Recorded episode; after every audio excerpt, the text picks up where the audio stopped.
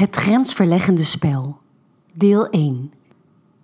Verveeld scrolt Sanne door haar Instagram-feed.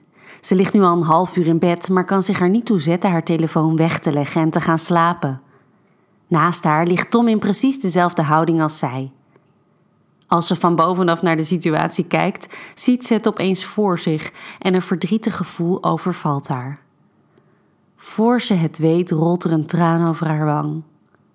Tom heeft eerst helemaal niks door, maar wanneer de tranen elkaar in sneller tempo opvolgen en Sanne oncontroleerbaar begint te snikken, kijkt hij verbaasd op van zijn telefoon.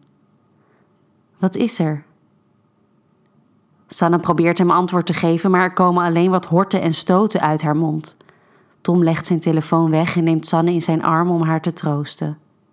Een paar minuten geeft Sanne zich over. Dan herpakt ze zich en droogt ze haar tranen af. Ze gaat rechtop tegenover Tom op bed zitten en probeert uit te leggen wat er aan de hand is. Ik ben echt heel gelukkig met je, begint ze. We hebben zo'n leuk leven samen en ik voel me helemaal veilig bij je. Maar, voelt Tom aankomen. Hij kijkt een beetje benauwd, vrezend voor het ergste. Nee, ik wil je echt niet kwijt, stelt Sanne hem gelijk gerust. Maar ik, kijk nou hoe we erbij liggen. Elke avond hangen we op de bank totdat we om elf uur naar boven strompelen en vervolgens in bed op onze telefoon turen totdat we gaan slapen. Ze haalt een keer diep adem en gaat dan verder. En dat is soms helemaal prima, maar ik voel gewoon een kant van mezelf langzaam afsterven. Een avontuurlijke kant, een spannende kant, een seksuele kant. Ze durft Tom niet aan te kijken wanneer ze dat laatste zegt en slaat haar ogen neer. Oké. Tom zoekt zichtbaar naar woorden. En wat zou je dan precies willen?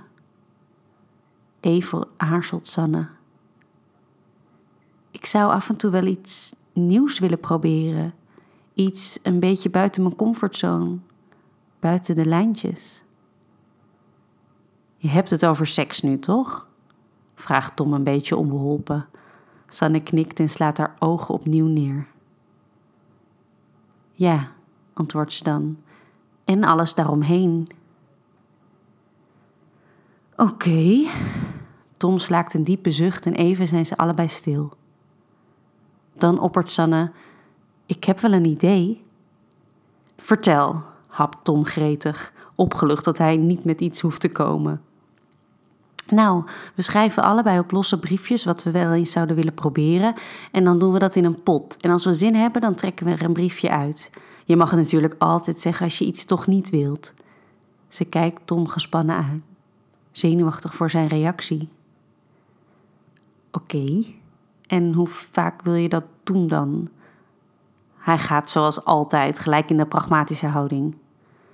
Weet ik veel, reageert Sanna een beetje geïrriteerd. Gewoon wanneer we zin hebben. En tijd. Eén keer per week of zo. We zien wel. Oké, en gaan we dat dan nu gelijk doen? Tom kijkt nog steeds een beetje onbeholpen, maar Sanne voelt de mogelijkheid en springt gelijk op. Oké, roept ze uit en ze rent gelijk naar beneden om een pot, pen en papier te pakken. Om de beurt stoppen ze briefjes in de pot totdat ze allebei niks meer weten. De pot zit behoorlijk vol, wat hen beiden verbaast. Ze moeten even lachen om het gemak waarmee ze de pot vol kregen. Maar dan slaat het besef in dat er eentje uitgetrokken mag worden. Ga jij eerst? Sanne kijkt Tom enigszins gespannen aan. Hij stemt toe en grijpt in de pot. Langzaam vouwt hij het briefje open. Toekijken hoe je seks hebt met iemand anders, leest hij voor. Echt waar? Ze kijkt hem ongelovig maar hoopvol aan. Zou je dat echt willen? Tom knikt bevestigend en Sanne begint te glunderen. Oké, dat lijkt mij ook spannend. Maar dat wordt nu een beetje lastig. Ze spreken af hier werk van te maken voor volgende week en Sanne trekt het volgende briefje. Aan het handschrift ziet ze gelijk dat het wederom een briefje van Tom is. Een keer anaal proberen. Ze drukt haar lippen stijf op elkaar na dit voorgelezen te hebben. Deze zat er natuurlijk aan te komen. Ze zou dit zelf ook heel graag een keer willen proberen, gewoon uit nieuwsgierigheid. Maar ze is er ook een beetje huiverig voor. We doen het heel rustig aan, probeert Tom haar gerust te stellen, en we zien wel hoe ver we komen. De pot gaat aan de kant en Sanne duwt Tom op zijn rug. Op haar knieën zittend laat ze de bandjes van haar nachtjapon langzaam van haar schouder glijden, zodat haar borsten ontbloot worden. Tom gromt goedkeurend, maar Sanne laat hem nog niet in de buurt komen. Ze draait zich zodat hij goed zicht heeft op haar billen en duwt de japon eroverheen naar beneden. Tom houdt het niet meer en trekt haar naar zich toe. Haar tong glijdt in zijn mond en draait tergend langzaam om de zijne heen. Likt hem, proeft hem, alsof het de eerste keer is dat ze tongen. Hij duwt haar op haar rug en dit keer is het zijn beurt zijn tong in haar mond te stoppen. Terwijl hij dat doet, dwaalt zijn hand via haar borst naar beneden over haar buik, tussen haar benen, waar hij met zijn vingers over haar dunne witte slipje begint te wrijven. Haar gekreun wordt gesmoord door zijn tong die zich nog steeds in haar mond bevindt. Even komt hij omhoog om naar adem te happen. Hij blijft Sanne in de ogen kijken, terwijl zijn vingers tussen haar benen nog steeds over haar broekje wrijven, over haar schaamlippen, ertussen kruipen, haar klit vinden. Haar handen grijpen in de lakens en haar rug kromt van genot. Haar slipje inmiddels doorweekt en dat voelt Tom ook. Hij kruipt langzaam naar beneden tot hij met zijn hoofd tussen haar benen belandt. Sanne voelt zijn warme adem door het dunne lapje stof heen en grijpt met haar vingers door zijn haar van genot.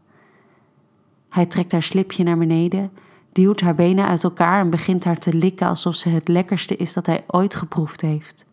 Met lange halen likkend, met zijn lippen om haar klit zuigend, steeds specifieker met zijn tong naar dat ene plekje waarvan hij weet dat hij er moet zijn om haar gek te maken.